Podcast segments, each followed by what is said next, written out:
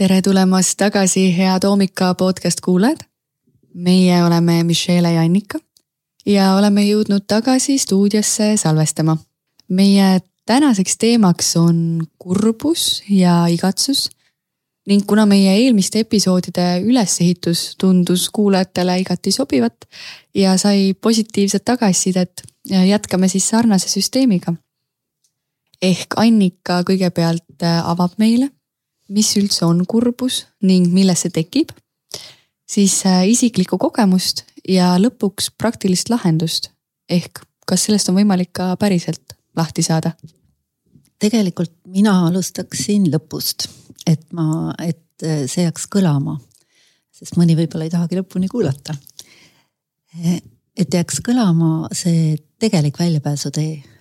see on see põhjus, miks me ju siin tegelikult olemegi ehk ma annan sellise väikese vihje kohe sellisele juurlahendusele. kui sa vaatad oma elu, siis tegelikult ja üldse elu enda ümber, siis tegelikult suurem osa inimestest on ainult pooleldi elus, kui nii võib öelda. ehk väga-väga üksikud elavad täiega. ja kui sa vaatad, miks siis ometi, et miks me ei julge elada täiega, siis vastus on hästi lihtne, me kardame ja see, mida me kardame, ei ole üldsegi füüsiline valu nii väga. me kardame haiget saada hoopis teisel moel, me kardame emotsionaalset valu üle kõige maailmas. ja sealt omakorda, kui vaadata, mis on inimese kõige suurem hirm üldse, siis tal on hirm armastusest ilma jääda. ehk ilma jääda siis sellisest teiste poolt saadavast tunnustusest ja hirm saada avalikult häbistatud. ja selline, tihti see hirm on niivõrd äh, alla surutud, niivõrd alateadlik. Äh, samas ta on nii tohutult pärssiva toimega, et äh, inimene elab nagu pooleldi sellises nagu natuke krambiseisundis kogu aeg. et ta ei ole avatud elule. ja ja selline ainuke tegelikult töötav võimalus nii kurbusest, ärevusest, vihast, ükskõik millisest negatiivsusest või emotsionaalsest valust oma elust päriselt lahti saada või sellest välja saada. on õppida kõigepealt tundma sellist nagu meetodit, mis vabastab su kõigepealt sellest hirmust selle emotsionaalse valu ees, et sa üldse saad nagu elama hakata normaalselt, ehk see on selline kõikide kurjade juur minu meelest. ja minu jaoks tänase episoodi peaeesmärk on siis üks ehk võtta selle kurbuse või siis ükskõik millise emotsionaalse valu pealt ära see lootusetuse valu. ehk kõige hullem üldse inimese jaoks on see, kui ta ei näe väljapääsuteed. ehk ta tunneb ennast ohvrina. et see valu on juba ise valus piisavalt, aga kui selle valu peale läheb veel see valu, et sa, sa lihtsalt ei tea, mida teha, siis tekib lootusetus ja sellest ikka hullemat tegelikult ei ole. et kui ma ainult selle tillukese osa saaksin siin täna kuidagi ära täita või leevendust pakkuda, siis on see juba väga hästi läinud, et proovime. sobib selline variant? väga hästi sobib. Läheme siis täpsemaks. minu jaoks kurbus on kokkuvõetav ühe sõnaga, see on elamatus. et on kaotusvalu sellises hästi laias tähenduses selline sügav kahetsus, et äh, inimene nagu tabab ära, et tema elus ei ole piisavalt elu. et ta elab nagu pooltuledega justkui ja mõtted, mis on sellise inimese peas, võivad olla umbes nii, et kui keegi tahab kogeda kurbust, kes soovib, võite mõelda enda peas neid minu mõtteid, mida ma teile siis pakun. kõik need aastad, mis ma olen raisanud, kõik on pöördumatult kadunud ma olen nii üksi. mind ei armastata. ma ei meeldi kellelegi. ma olen lootusetult ebaõnnestunud. ma olen liiga vana, liiga kole, liiga paks, liiga rumal. kui ainult saaks otsast alustada selline nostalgia, melanhoolia, mahajäetuse tunne, lõputu igatsus millegi isegi määratlematu järgi, tavaliselt on selleks armastus, igatsus armastuse järgi. seletamatu igatsus millegi järgi, mida pole isegi kunagi kogetud. võib-olla ootus, et keegi tuleks ja teeks mu õnnelikuks. Ja just see, et ma ei meeldi endale, ma ei armasta ennast, ma ei talu ennast, ma vihkan ennast. ma olen liiga ükskõik siis ja lõputu loetelu. ma pole piisavalt ja lõputu loetelu. mu süda on katki läinud. pettumus endas, pettumus teistes, pettumine elus üldse. ängistus, piinatud olek, pessimism. Elu üleüldse on liiga raske ja keeruline ja ma tegelikult ei saa ju hakkama. või ei ole mul piisavalt mingeid ressursse, et elada päriselt või ei ole olnud piisavalt turvaline lapsepõlv näiteks. ehk kokkuvõtvalt eh, mingid asjad või kogu elu ei ole läinud nii, nagu sa kunagi unistasid. see on selline totaalne täitumatus, kaotusvalu, eluvalu. ja nagu ma alguses ütlesin, et kui sul puudub teadmine, eh, kuidas see lõpetada või, või sul puudub teadmine väljapääsu teest siis tekib sinna peale veel teine valu. see on lootusetus. ja sealt tuleb meeleheide. ja siit väga õhuke jää on teiste süüdistamiseni. Enda süüdistamiseni. Ja nii kui sa sellesse auku kukud, nii sa kukud kolinal veel aste allapoole, apaatia lähedale ehk sinna päris põhja kuidas oli, Michelle? tundub päris nukker pilt. oo oh jaa, aga täpselt sihuke, et noh, nagu sa ütlesid ka, et mulle tundubki, et me vist kogeme seda kõige sagedasemat kurbust äh, seoses kaotusega. Et me kõik oleme kaotanud, äh, ma ei tea, sõbra, usalduse kellegi vastu, lähisuhte, mõni unistus puruneb. ja sellega kaotame justkui nagu usalduse elu vastu. et lootus, et ka mina võiksin üldse kunagi õnnelik olla. ja just see tunne, et, et sa oled justkui juba kõike proovinud, aga mitte miski ei tööta. et see lootusetust nagu taandub selleni. nii et see, mis ma kirjeldasin, kõnetab. absoluutselt. ma arvan, et kõigi kogemus ühel või teisel moel. Eh, nüüd siit edasi. Eh, kui kõige madalamas apaatia ja alanduse klassis eh, on inimesel veendumus, et abi ei ole enam võimalik siis siin on siiski natuke parem olukord. kurbuses inimene tegelikult ootab abi ja tegelikult on ka sellele väga vastuvõtlik. kurbus on nagu appikarje. ta on nagu vaikne selline sisemine karje, et vaata, kui valus mul on, palun tule ja päästa mind ära. ja see on tegelikult väga suur vahe. sest siit tuleb võimalus aidata ehk kui näiteks keegi su sõpradest või lähedastest satub kurbusesse. ja sa oskad eristada, et kas ta on nüüd apaatias või on kurbuses, et siit tuleb see point, miks saada kasvõi teoreetiliselt emotsionaalselt intelligentseks ehk hakata eristama erinevaid hinnaklasse emotsioonides. Sellepärast, et see juurlahendus on kõikidel emotsioonidel sama aga sissepääsutee sellesse kohta, et inimene saaks seda juurlahendust kasutada on väga-väga erinev.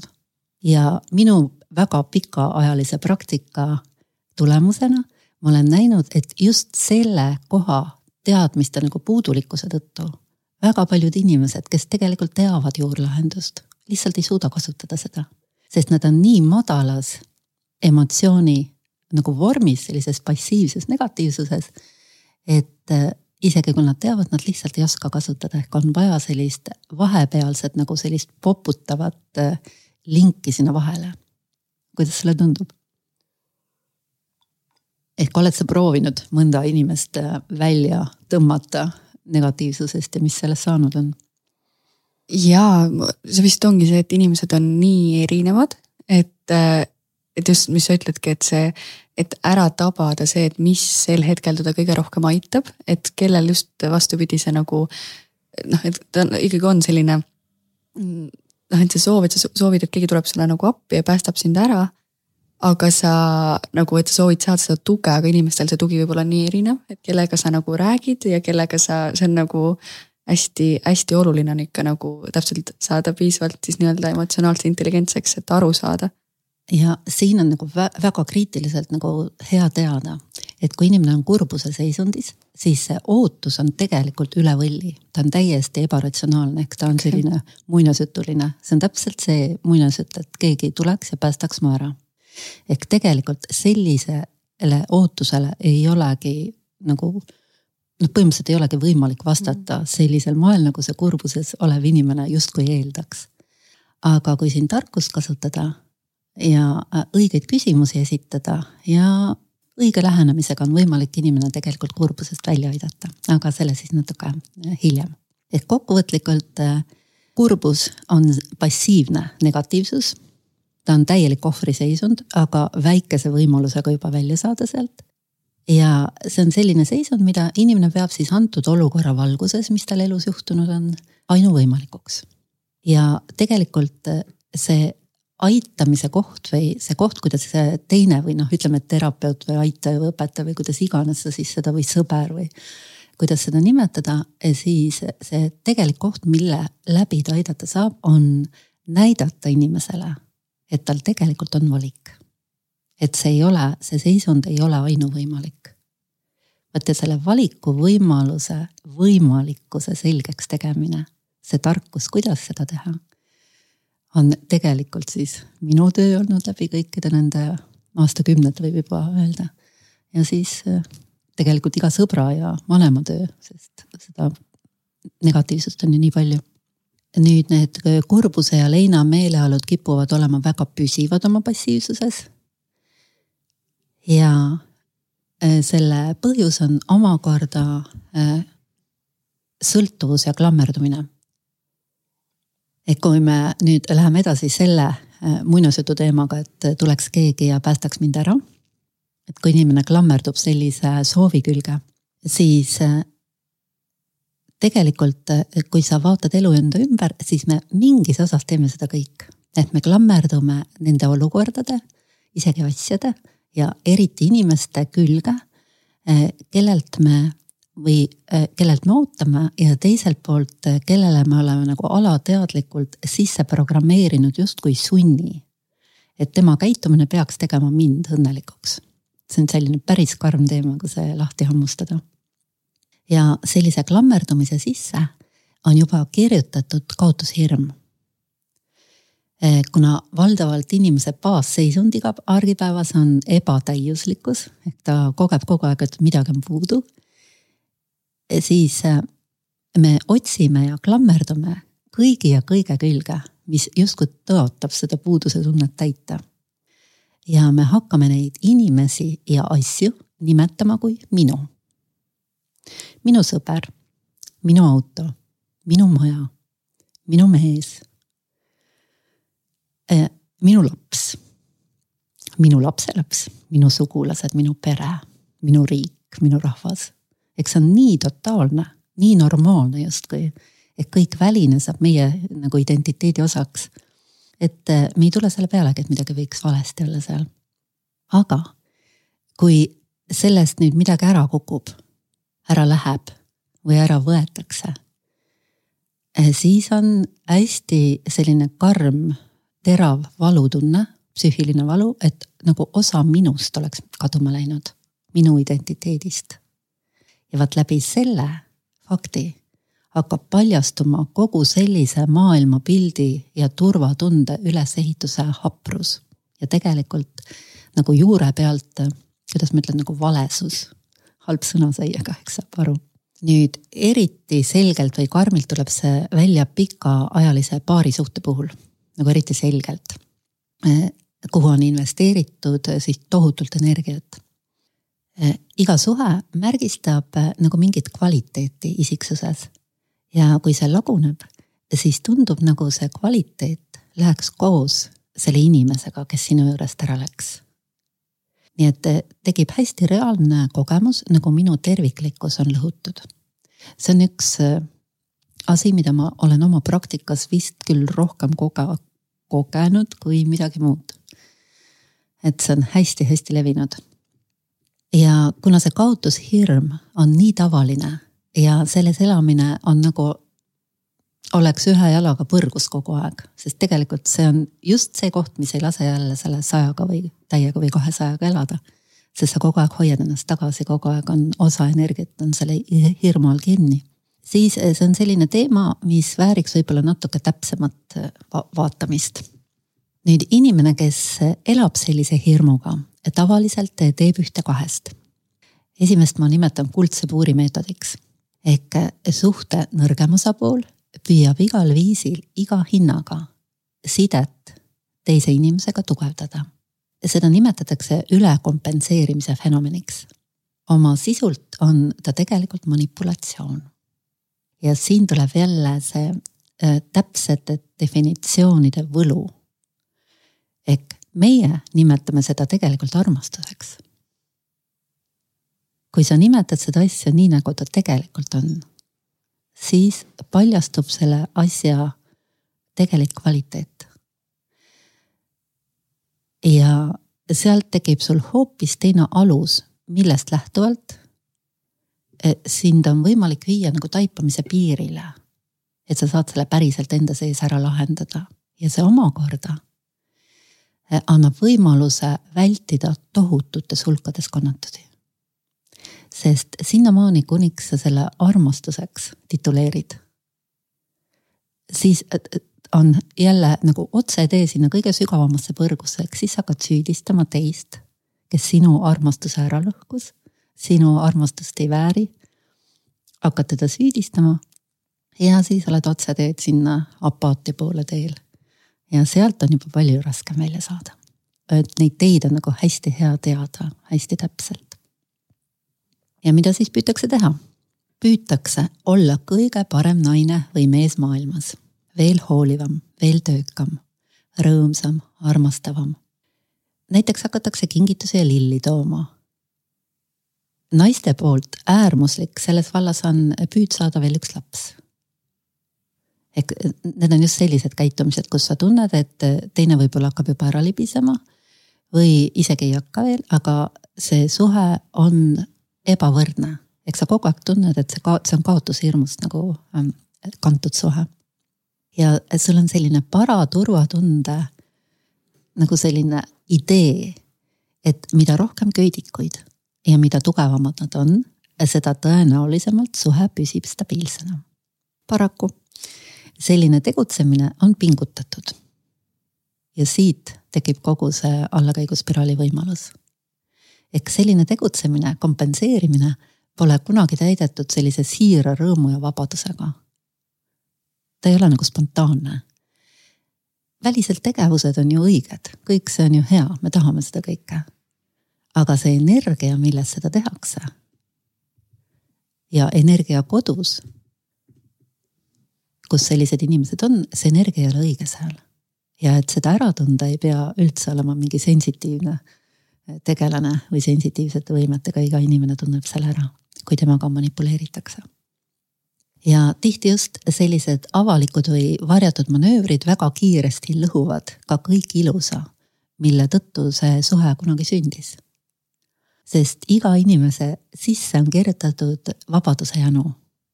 ja reeglina ta aimab juba õhust, kui keegi teda omandada püüab. meestel on see eriti karm mehed küll äh, minu praktikas jälle, et ütlevad küll, et nad ei tunne midagi, nad on ratsionaalsed. aga vot see koht on neil ülisensitiivne, et nii kui sa meest nagu ahistama hakkad oma klammerdumisega. oi, nad tunnevad selle ära ja panevad vastassuunda kahesajaga.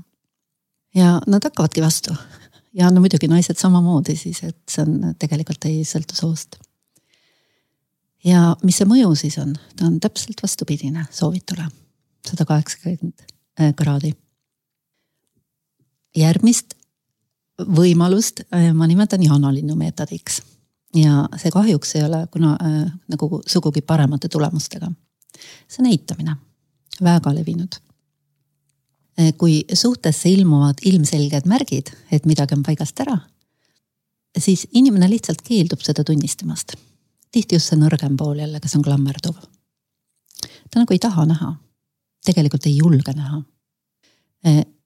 inimene nagu paneb silmad kinni, samas neid pärani lahti hoides. ja ignoreerib seda olukorda faasis, kus veel saaks asja kergesti parandada. kui endale täpselt selgeks teha, mis hakkab lühisesse minema ja mis selle põhjus on tegelikult.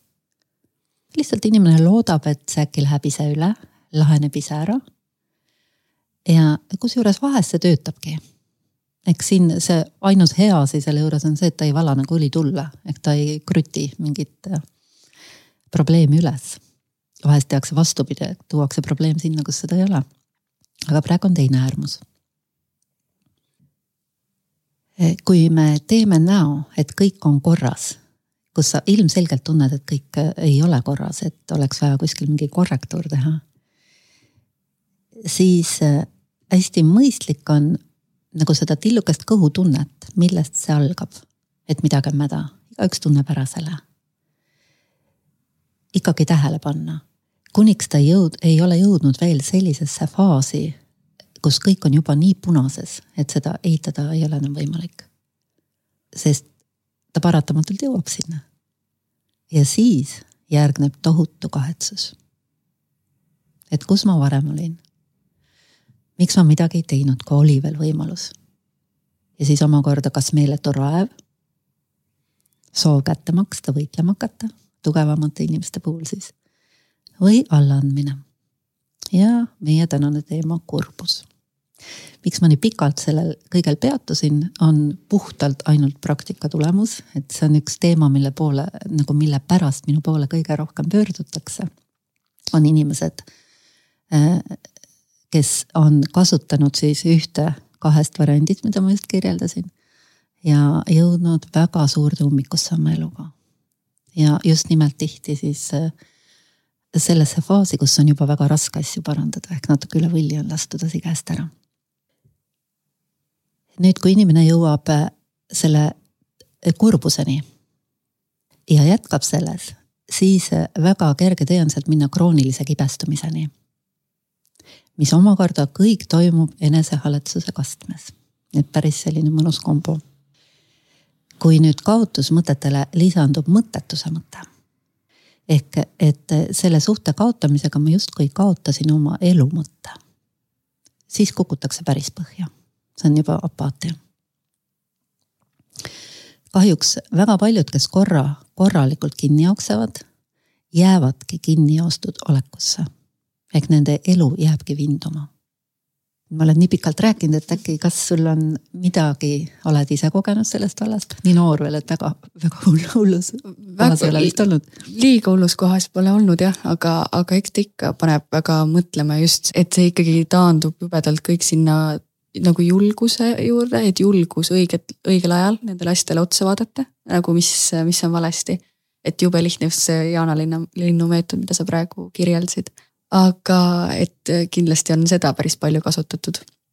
aga vist tunnengi, et kõige tuttavamad on sellised äh, kaks kurbuse vormi. et noh, üks on sihuke pigem lühiajaline, et äh, saad ennast hästi kiirelt ikka tagasi. aga, aga. aga kuidas sa saad tagasi, mis sa teed? Ah, ma vist isiklikult kõige rohkem olen kasutanud sellist, et noh, nagu alati kõige lollikindlam lahendus, et mõtete asemel kuidagi füüsilisele kehale tähelepanu suunamine et täpselt, ma ei tea, lähed jooksma, jalutama, tantsima. et siis nende tegevuste ajal paratamatult on kuidagi keerulisem seal kurbuse energias olla, et täpselt sest ta on sihuke passiivne. ja, ja kuidagi ikka avanevad uued väljavaated. ma praegu korra mm -hmm. Tulen siia vahele, et see, mida sa praegu kirjeldasid, seda siis noh, ütleme teraapias või joogas või kuidas iganes seda nimetad, nimet-, see on väga konkreetne meetod tegelikult. selle nimi on tähelepanukilp ehk äh, hästi lihtne, see point, miks ta töötab, on see, et sa lihtsalt äh, täiega tood oma jõu oma kurbuselt, sellelt tundelt ja vastavatelt mõtetelt ära ja lihtsalt paned ta täiega teise kohta. ehk kanaliseerid oma jõu ümber. Ja see, mida sa ei toida, see loomulikult sureb vaikselt või taandub. eks sa lihtsalt viid oma tähelepanu teisele kohale, see on nagu ülilihtne. nii loogiline aga paraku isegi sellist meetodit äh, paljud ei oska kasutada, see on nii kummaline muidugi üks asi selle kohta on mm, eh, nagu äh, hea veel öelda, et kui see meetod muutub elustiiliks, siis ta ei ole jätkusuutlik mm. -hmm. ehk ta annab sulle korra sellise võimaluse sellest valust välja saada, jõudu koguda. aga kui mingi probleem su elus on ikkagi nagu jätkuvalt laual või tuleb taas ja taas, siis kõik märgid näitavad, et ta nõuaks nagu sügavamat lahendust mm, -hmm. päris äralahenemist. sest muidu eskapism saab elustiiliks, mis on ka väga levinud ja seal on täiesti, see nõuab täiesti omaette podcast'i osa, kuidas sealt välja tulla selles väga paljud elavad. aga jah, vahepeal on hea, hakkab vähemalt korraks kergem, et see jah. juba sellele. aga see teine nii-öelda variant, mida on ka kogetud, mis ongi võib-olla sihukesem pikaajalisem natuke, et noh, apaatia on kuidagi nii tugev sõna, aga ikkagi selline, et sa nagu juba pikemat aega tunned, et äh, ei taha enam midagi teha. ja kuidagi ei suuda nagu enam selgelt vaadata, siis mina olen täpselt, mis ma eelmises episoodis vist ka jagasin, et olen lahendanud neid täpselt nende üksi reisimiste ja selliste väikeste retriitidega, et sa võtad iseendale selle aja, et aru saada, mis su sees toimub et äh, aga samas ei tee seda enda argipäeva mustri sees, et kisud ennast välja ja lood oma peas taas mingi selguse. et äh, täpselt sa kunagi kasutasid seda väljendit, et, äh, et lahendus lahenduse leidmiseks. See on väga, võid niimoodi kasutada seda. et, et siis ta nagu jah, siis sa kuidagi ikkagi on alati jõudnud paremasse kohta välja aga jälle hästi paljud kasutavad reisimist jälle ainult eskapismina mm. -hmm, just. eks sa saad korra lihtsalt täiesti teise keskkonda, äh, lähed eemale nendest triggeritest, mis sind häirivad, mille peale sa punasesse lähed ja jällegi väga-väga toimiv, ta annab sulle jõu tagasi mõneks ajaks, aga paraku nagu kõik teavad, tuled tagasi ja kõik see vana tuleb tagasi. ehk mingit jätkuvat nagu sellist põhjapanevat lahendust põgenemisest mitte kunagi ei tule, paraku. aga lähme siis nagu lahenduste juurde, et kuidas sealt välja saada kurbus on selline trikikoht, kus sa oled nagu vene muinasjutus kolme teelahkmel. kui eelmises eh, kõige madalamas apaatia, süütunde emotsioonidesse juba olid päris põhjas ehk kukkuda polnud enam kuhugi. kaotada polnud enam midagi, sest kõik on kaotatud, ehk see on elu antipood, kus sa sattusid siis. siis kurbuses on see võimalus veel madalamale langeda täiesti olemas ehk mis on kõige hullem, mida kurbuses teha saab? korra juba puudutasime seda, ehk hakata süüdistama. kui üks ainus asi kogu sellest eh, emotsionaalse intelligentsuse seeriast, mida me nüüd sellel hooajal teeme, jääb kõlama, jääks kõlama, siis eh, ma tahan seda igati nagu võimendada, et jääks kõlama selline teadmine, et süüdistamine on alati allakäigutee otse kõige sügavamale, kõige halvemasse kohta. nii enese kui teiste süüdistamine. Süüdistamine teeb alati kõik ainult halvemaks. süüdistamine mitte kunagi ei tee mitte midagi paremaks. ja mis kõige hullem, süüdistamine on lihtsalt absoluutselt ebaõige oma olemuselt, sest teine mitte kunagi lihtsalt ei oska teha paremini.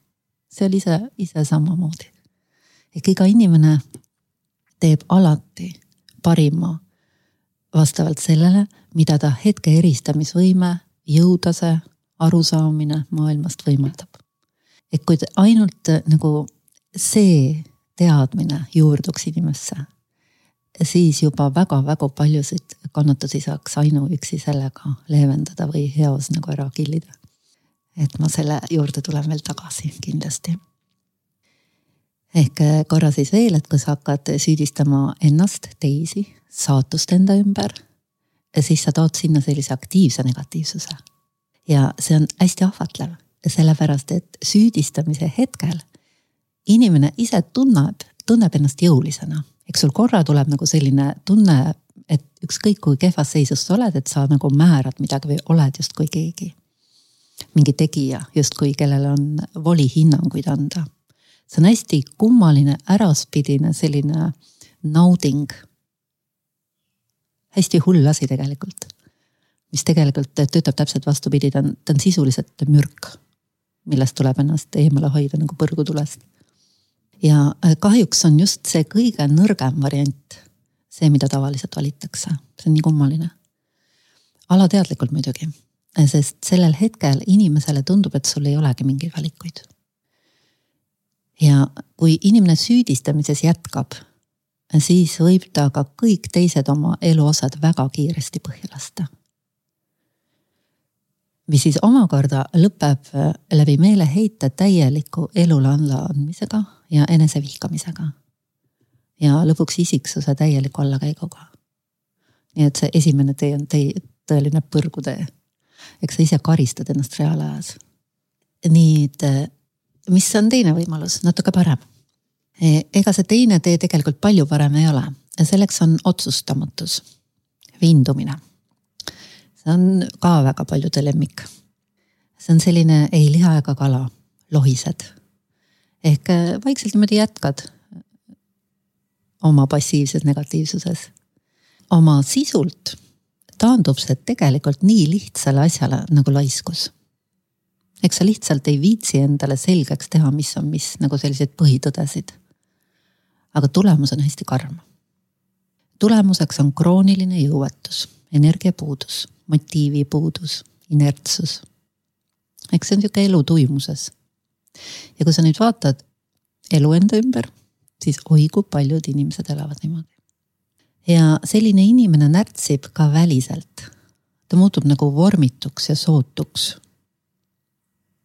ja sellega on paaris pea alati julguse puudus, argus, hirm täiega elada. Nagu me alustasime, see hirm karistatud saada ehk avalikult häbistatud saada või hirm äh, teiste heakskiidust ilma jääda. ja veel kord siis, et see on äh, selline juurpõhjus, mille tõttu nii paljud meist on ainult pooleldi elus. ja nüüd, kas on siis ka mingeid helgemaid noote siin, et kas on midagi, mis nagu päriselt sellest nõiaringist välja aitaks? Äh, alati see lahendus on selles mõttes ühene, et tuleb teha, kui see ei tööta, mida sa teed. ja seesama asja jätkates nagu soovid, et tekiks mingi lahendus, siis see on ei ole väga nagu väga intelligentne ootus. ehk alati tuleb teha midagi täiesti radikaalselt teisiti. kuna ühtegi asja ei saa lahendada tema enda pinnalt. Einsteini kuulus lause, mida ma ikka jälle äh, kordan, siis kurbus ei lahene kurbuses jätkates. see on fakt, sa pead muutma vaadet. Ehk äh, saab teha hüppe tegusasse aktiivsusesse ehk julguse tasandile. lihtsalt läbi teadmise, et sa saad seda teha. ja selleks hüppelauaks on inimese kõige suurem sõber, jälle see suur punane küsimärk. ja äh, kuna see hüpe julgusesse on kõigi negatiivsete emotsioonide esimene väljapääsutee.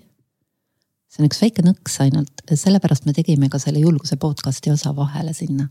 Et mis tuli siis teise osana välja ja praegune kolmandana alguseks võib hakata endale esitama küsimusi. näiteks, eh, kas ma pean seda kogema? sihuke küsimus, mille peale lihtsalt ei tule, kui sul on emotsionaalne valu peal.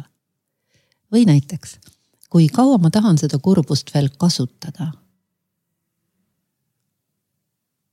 selles küsimuses on juba väga intelligentne lahendus olemas. Sellepärast, et me kogu aeg arvame, et me kogeme kurbust, et tema hoiab meist kinni. kui sa võtad sellise teadmise, et sa koged ükskõik millist emotsionaalset valu ainult sellepärast, et sa ise täiesti vabatahtlikult oma tähelepanuga hoiad temast kinni ja häälestud talle, jätkuvalt mõtled tema mõtteid, jätkuvalt häälestud. mida rohkem seda teed, seda hullemaks läheb. Eks see on hästi sarnane sellele, kui sa paned käe tulele hästi lähedale ja mida rohkem sa lähedale lähed, seda rohkem see tuli sind põletab. ja loomulikult füüsilisel tasandil sa tõmbad selle kohe ära, aga emotsionaalsel tasandil me teeme täpselt vastupidi, see on nii kummaline. ehk mida valusam meil on, seda rohkem me seda kätt sinna tulle paneme ja seda rohkem me teise käega puid alla paneme. et see tuli saaks lõõmata ja see puude alla panemine on vastavad mõtted ehk me tegeleme nagu igal võimalikul moel ja keha väljendab sedasama, ehk me teeme kõik enda sees selleks, et see kurbus jätkuks. ja siit tuleb minusuguste siis nagu see päris abi. et see on päris selline detailne, sügav teadmine. mida tegelikult tähendab, kui sul on emotsionaalne kannatus, mida see tehniliselt tähendab? ja kui sa selle pulkadeks teed ja vaatad, kui lihtne see on ja kui jabur on see, et sa seda edasi teed. Kui sul see valu on juba akuutne, siis sul tekib võimalus see kohe lõpetada samal hetkel. et selles mõttes teadmistel, päris teadmistel on tohutu jõud. võtame veel mõne küsimuse. kas ma tahan siit veel midagi õppida või maitsta seda kurbust veel? kas ma pole piisavalt juba seda valu talunud, et aru saada, et emotsionaalne valu ongi valus, et ta ei kõlba elu tegemiseks? Või soovin ma jätkata äkki valu tundma õppimist kõigis tema viiekümnes varjundis? see Fifty Shades of Pain, võiks eraldi raamatu kirjutada sellest. inimese lemmiktegevus. aga äkki sellest valukogusest ja talle pühendatud ajast juba piisab, et ma taipaksin, et see energia ei kõlba et äkki saab ka teisiti. kas mul on ka parem võimalus? ja ainus asi, mis alati aitab, on tuua oma ellu sisse, kuidas ma ütlen, nagu sügavuse mõõde. leida selline out of box lahendus, sest emotsionaalsele lahendusele ei ole või emotsionaalsele probleemile ei ole emotsionaalset lahendust. nüüd eelmises korra veel tagasi tulles, et enamus inimesi annab tegelikult lõpuks alla. Eh, ehk eh, nad proovivadki, et nad jäävadki nagu eskapismi tasemel elama. ehk lihtsalt proovivad leida nagu paremaid emotsioone, mida kasutada. Mõned üksikud satuvad kokku sellise võimalusega see saladus nagu päriselt emotsionaalsest valust välja tulla, nagu päriselt lõpuni ära lahendada. kui me nüüd eelmises episoodis põgusalt peatusime Ameerika geniaalse füüsiku Lester Levensoni avastusel et on olemas ka kolmas tee. et emotsioone saab vabastada. lihtsalt vabastada. siis ma natuke, kuna see on nii kummaline nähtus, mida meie kultuuris ei õpetata ja see ühe lausena ta võib lihtsalt kõrvust mööda minna, et inimene nagu ei saa aru selle asja tegelikku pointi ja sügavust ja võimaluste välju, mis sealt avaneb. siis ma natuke võib-olla peatun sellel, kui on okei. Okay.. muidugi see Lesteri avastus, see toimus äh, seitsekümmend aastat tagasi, tuhat üheksasada viiskümmend kaks, see tegelikult on rohkem kui fenomen, see on tõeline nagu pomm. ja seda kahes mõttes. kui siiani kogu eneseabi, mida iganes on inimesed aegade jooksul teinud, nagu meie lääne kultuuris siin. Äh, see on sellised mõõtmed omandanud, et võib juba tööstuseks nimetada eneseabitööstus Eh, see tegelikult, kui sa nagu uurid, millel see teod põhineb, siis ta põhineb ainult nendel tehnikatel, mis tegelikult on joogateaduses ammu avastatud. Ehk targemad, nutikamad inimesed on pannud siis kokku selliseid erinevaid äh, ammu, ammu avastatud äh, toimivaid mm, meetodeid. nüüd ainus, mida varem maailmas tehnikana kirjeldatud ei ole, on emotsioonide vabastamine taotluse kaudu selles mõttes Lesteri avastus on fenomen kogu inimkonna ajaloos. ja see on hästi praktiline, sest esimest korda tekkis nagu lääne kultuuri inimesel võimalus olles kõige tavaline, tavalisem, normaalsem inimene, kes ei tea ei joogast ega mingist vaimsusest mitte midagi, ei tahagi teada, tahab oma normaalset elu elada lihtsalt. esimest korda avanes tal võimalus ise oma saatust muuta nagu päriselt tundub nagu natuke üle võlli ähm, lause. Äh, aga siin sellel lausel on äh, päris vaste. Tõeline päris vaste ja Lesteri enda elu näitab seda. nii üle võlli, kui ta ka ei, äh, ei kõla, siis asja sisu on tegelikult veel üli, ülivõrdelisem. sest selles teemas ei olegi ükski ülivõrre liiga palju. kui sa nüüd hästi lihtsalt vaatad oma elu et mille nimel sa kõik üldse teed, mida sa teed? mida sa teed, Missu? mida sa tegelikult tahad, nagu päriselt, päriselt? saada õnnelikuks. Ilmselt on kõikide asjade. ma just tahtsin küsida, et kas, mis sulle tundub, et mis sa arvad, et kas mõnel inimesel võiks olla mõni teine äh, nagu juurmotiiv? Mm, kahtlen. et kui sa nagu lähed nende motiivide, motiivide, motiivide juurmotiivi siis kui sa pakud inimesele ükskõik mida ja teed talle teise võimaluse, et sa lihtsalt oled kogu aeg õnnelik. mis sa arvad, kes valiks midagi muud? vaevalt. vaevalt, vaevalt absoluutselt. nüüd see soov õnnelik olla ja õnnelik olla sellisel moel, et see õnnetunne ei muutu igavaks, et ta on kogu aeg selline värske. ja sul on selle sees kogu aeg selline nagu, nagu ela, hästi elus olemise tunne, et sul on hästi selline elav ja, ja nagu huvitav olla selle sees, et see ei ole igav ühelgi moel. sellist õnnetunnet mitte ühelgi inimesel argipäeva asju ajades, nagu me siin lääne kultuuris elame, ei ole mitte kunagi õnnestunud saavutada see nagu ei kipu õnnestuma, ükskõik mida me teeme. ja kui sa vaatad inimkonna ajalugu, siis sa komistad sellistele mõistetele nagu pühakud ja müstikud ja joogid, kes väidavad, et nemad on selle leidnud. aga need on väga üksikud inimesed ja nad on teistest kultuuridest ja teistest aegadest ja tihti nad teevad mingeid selliseid imelikke praktikaid kuskil eraldatuses. ja sellel kõigel on natuke selline muinasjutu hõng nagu. et seal puudub igasugune seos reaalse argise eluga, et sa ei võta seda isegi tihti tõsiselt. ja nüüd see Lester Levensoni fenomen seisnebki selles, et ta oli füüsik, teadlane, ettevõtja, edukas ettevõtja, ei teadnud joogast midagi. ta oli lihtsalt erakordselt intelligentne. väga edukas, ilus, sarmikas, kõik, mida üks mees tahta võib. vallutas ühe kaunitari teise järel, pere, sõbrad armastasid teda maisemast maisemaelu. igaüks oskab ennast samastada sellisega. samas, olles oma maise nagu sellise heaolu ja edukuse tipul, kasvas temas järjest sügavam rahulolematus.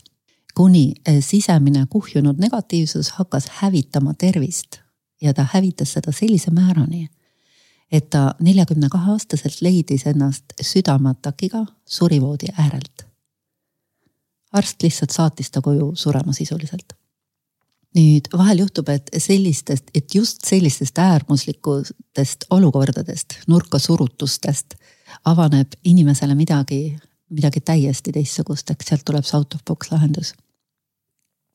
ja siis olles selline, ta armastas väljakutseid, olles no ütleme keskmiselt, keskmisest inimesest, kui nii tohib öelda, et kõvasti intelligentsem siis ta hakkas endale esitama küsimusi nagu suure uudishimuga, et kuidas see sai niimoodi juhtuda. et nii tark mees sai oma elu niimoodi ära rikkuda. kuigi ta oli teinud kõik õieti. Ta oli täpselt teinud kõik algusest peale nii, nagu ühiskond nõudis ja ta oli olnud selles kõiges väga edukas. ometigi on ta nüüd siin. kus on viga? mida ta tegi valesti, mida ta nagu, millest ta nagu aru ei saanud ja ta alustas valusa tõdemusega. Äh, for a smart boy, Lester, you are stupid, stupid, stupid. ehk mis on kogu su tarkusest kasu? vaata, kuhu sa jõudnud oled sellega. Ja kuna selline vindudes surma ootama jäämine ei tulnud temasuguse mehe puhul kõne allagi, siis hetke, hetkeks ta kaalus võtta üledoos morfiini, ta oli isegi sealmaal omadega ja nii kui ta selle võimaluse avastas, siit toimus esimene taipamine. ta sai aru, et tal tekib valik. ja kohene jõu juurdevool.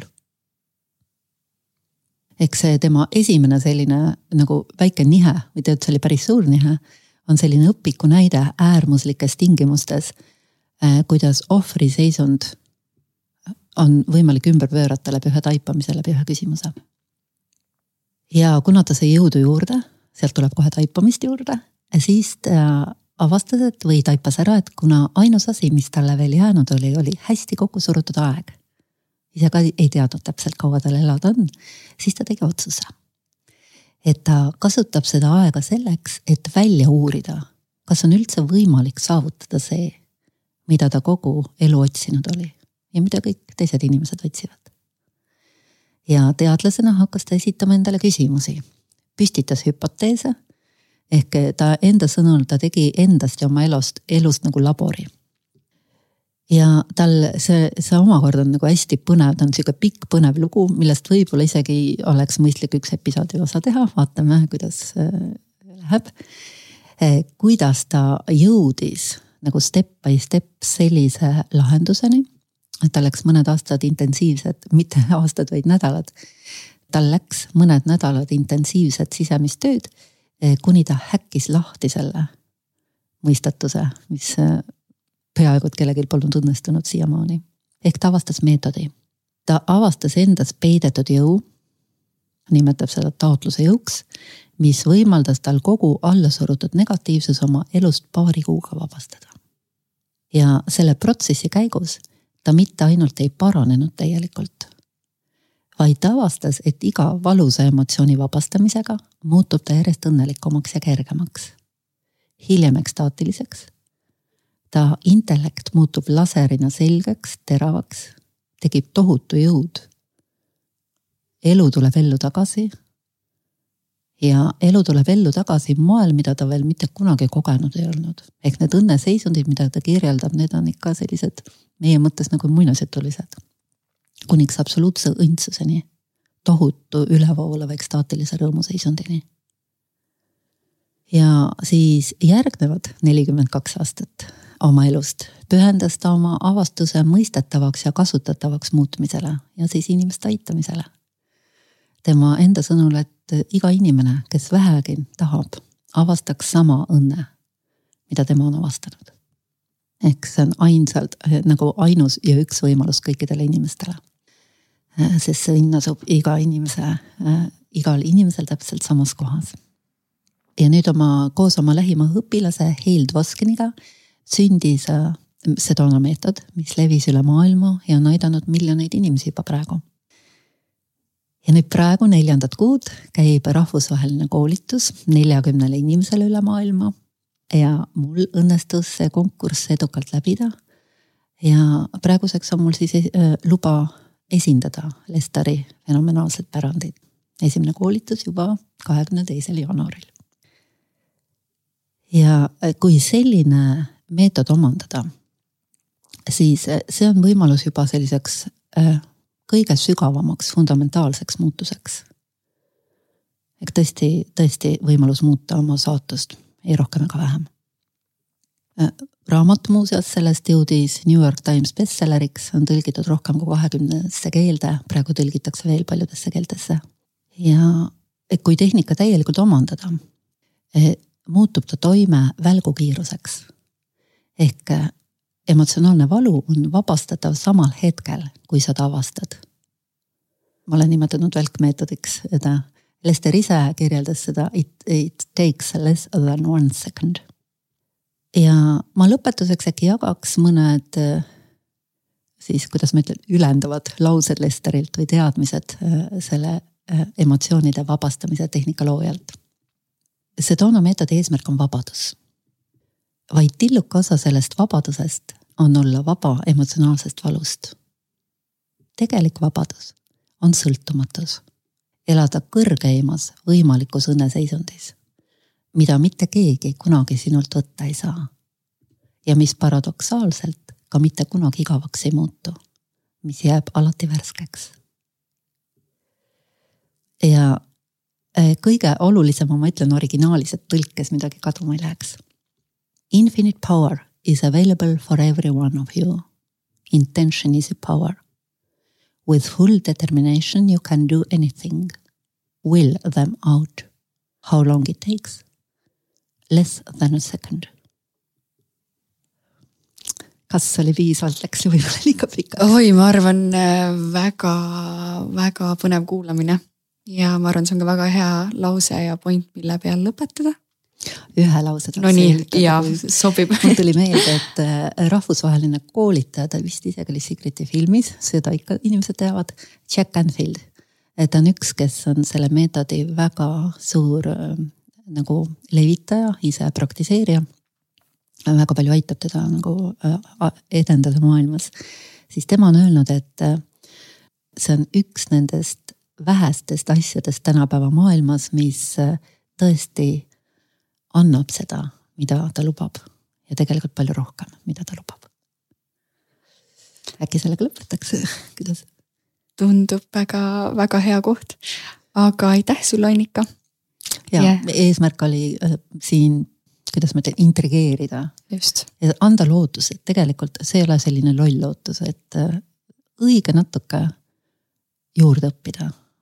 ja sa saad oma ülejäänud elu nagu niimoodi elada, et hakkab tõesti päris sinu elu. see päris sinu elu, mida sa oled kogu aeg arvanud, et see on kunagi järgmise künka taga ja ikka jälle ei ole. ehk lõpeb see lõputu nagu selline pettumuste jada. aitäh teile. aitäh